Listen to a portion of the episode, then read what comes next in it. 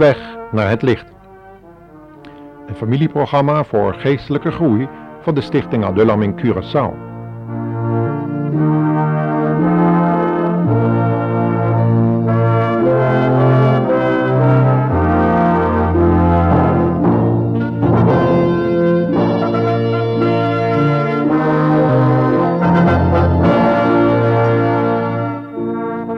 Vandaag is het thema, luisteraar, verlossing op de Olijfberg.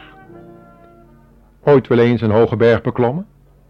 Nou ja, het hoeft niet per se in het buitenland geweest te zijn. Want als je de Christoffelberg in Curaçao beklimt, heb je op de top ook al een prachtig overzicht over het eiland. En over dat uitzicht wil ik het nu juist hebben in deze uitzending. We kijken allemaal graag vooruit. Vooral als je jong bent en goede hoop hebt op een goed betaalde baan, een betaalbaar huis en goede promotiekansen in de maatschappij. Maar als je wat ouder wordt en de gang er eenmaal uit is, kijk je vaak terug op wat bereikt is. En dat is normaal, maar het stemt niet altijd hoopvol. Want hoop heeft in het algemeen met de toekomst te maken. En dan zijn we alweer bezig met vooruitzien, wat dikwijls omhoog kijken betekent.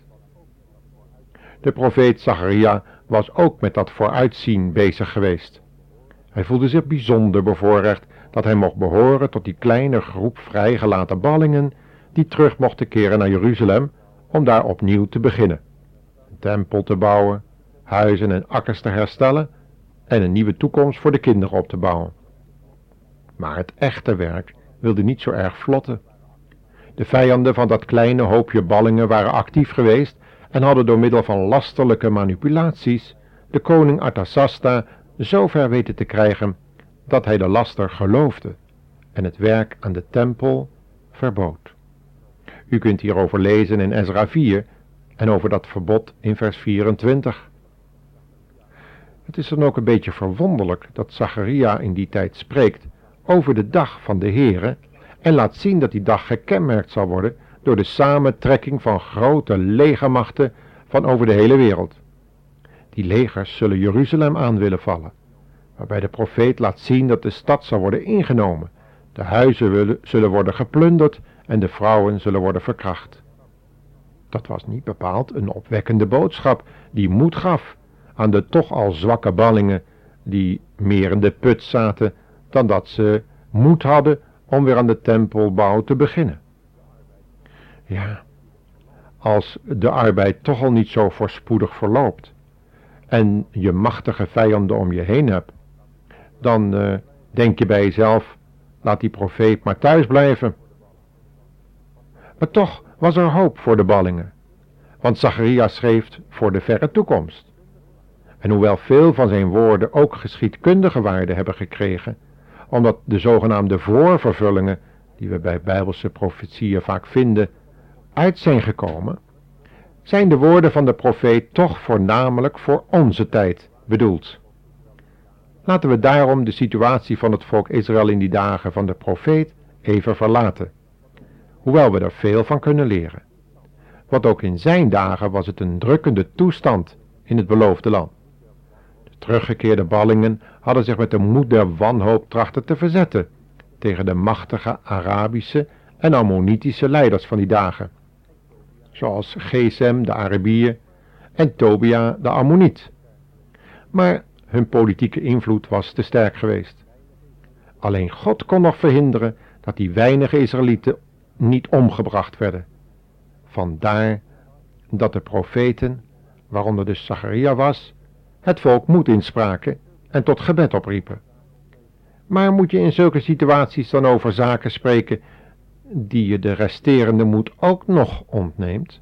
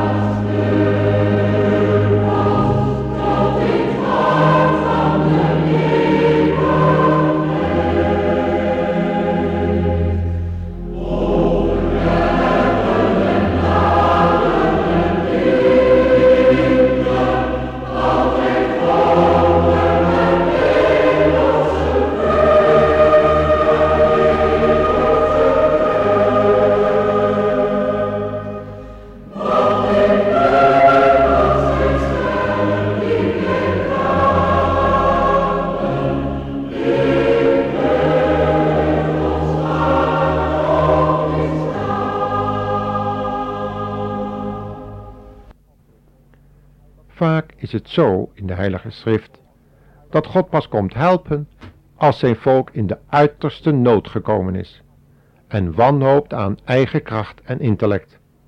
En zo was het ook bij de discipelen, toen ze op de zee dreigden te vergaan.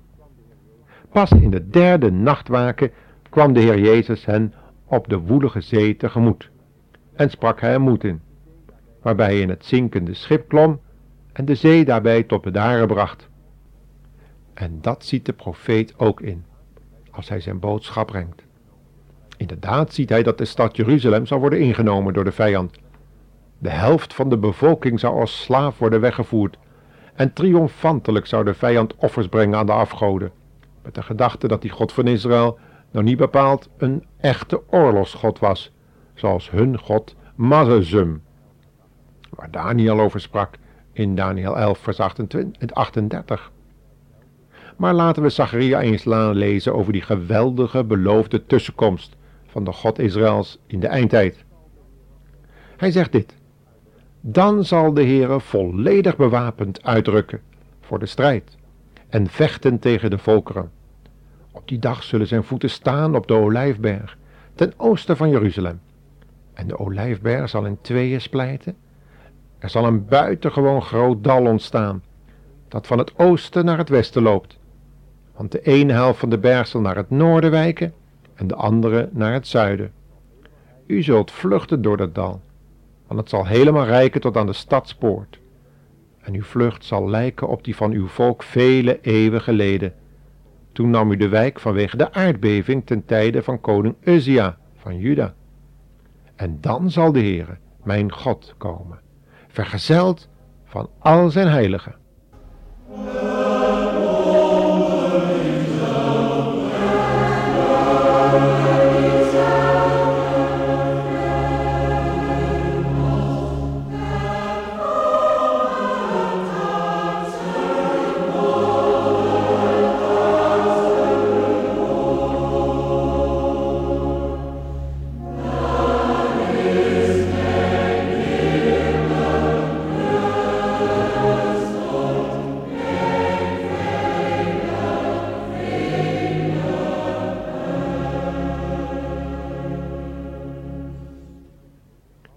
Kostbare woorden, luisteraar.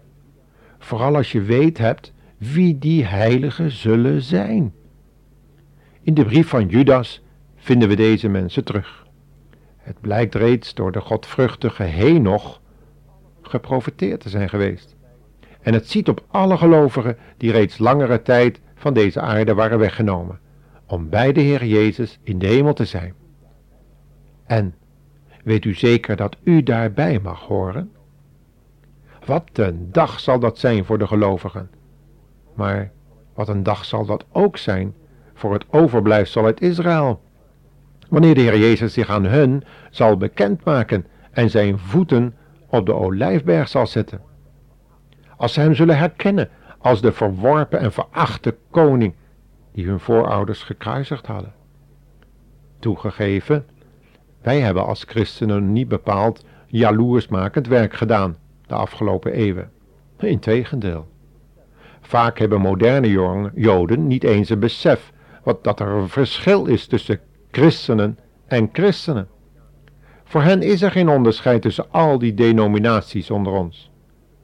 Maar wie kan hen uit het Oude Testament laten zien dat Heer Jezus inderdaad dezelfde is als die man waarover de profeten hebben gesproken?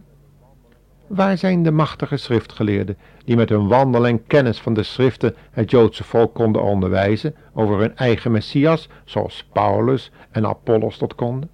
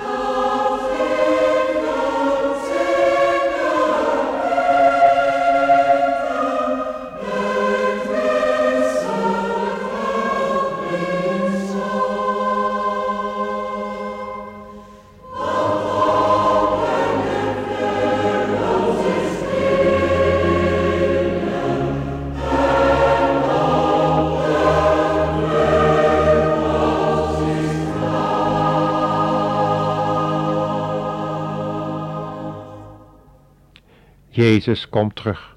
Dat is zeker. Maar laten we de resterende tijd toch alstublieft gebruiken om ons als echte christenen te gaan gedragen. Om werkelijk als wedergeboren mensen, ook tegenover dat Joodse volk, een andere houding aan te nemen. Laten we voor hen gaan bidden en ons eigen leven reinigen van afgoderij, valse vormendienst en huigelarij. Wellicht leren ze dan hun heiland weer te herkennen in ons leven, zoals velen in de Tweede Wereldoorlog hem hebben ontmoet, terwijl de dreigende vernietiging steeds dichterbij kwam. God komt door de oordelen vaak heen die over deze wereld gaan. Dat is steeds het profetisch getuigenis geweest. Vandaar dat de Heer Jezus steeds het geweld en de zonde tot op een bepaalde hoogte laat komen. Zoals bij Sodom en Gomorra er eerst engelen werden vooruitgestuurd om te controleren of de zonde inderdaad de door God bepaalde maat hadden bereikt. En om dan nog op het laatste moment gelovigen uit zo'n situatie te redden. Hij zal alles goed maken, beste luisteraar. Hij zal alles herstellen wat wij mensen kapot hebben gemaakt. Want hij heet Heelmeester, Heiland, Verlosser, die ook uw zonden wil wegnemen en uw hart wil reinigen van boze werken. Aan het einde van dit programma wil ik u daarom ook oproepen met mij mee te bidden voor de vrede van Jeruzalem, zoals Psalm 122 ons voorhoudt. Een vrede die alleen te krijgen is in de komende Messias van Israël, Jezus Christus, onze Heere. Heeft u die vrede al gevonden, luisteraar? De vrede van God, die alle verstand te boven gaat. Een vrede door het bloed van Jezus kruis. Als dat zo is, zien we elkaar spoedig terug bij die hemelse legerscharen, die met Jezus naar deze aarde komen om de strijd mee te helpen beslissen. Maar dan zullen we eerst van de aarde moeten worden weggerukt. En dat kan elk moment gebeuren. Daar hebben we geen golfcrisis en ook het verloop ervan voor nodig.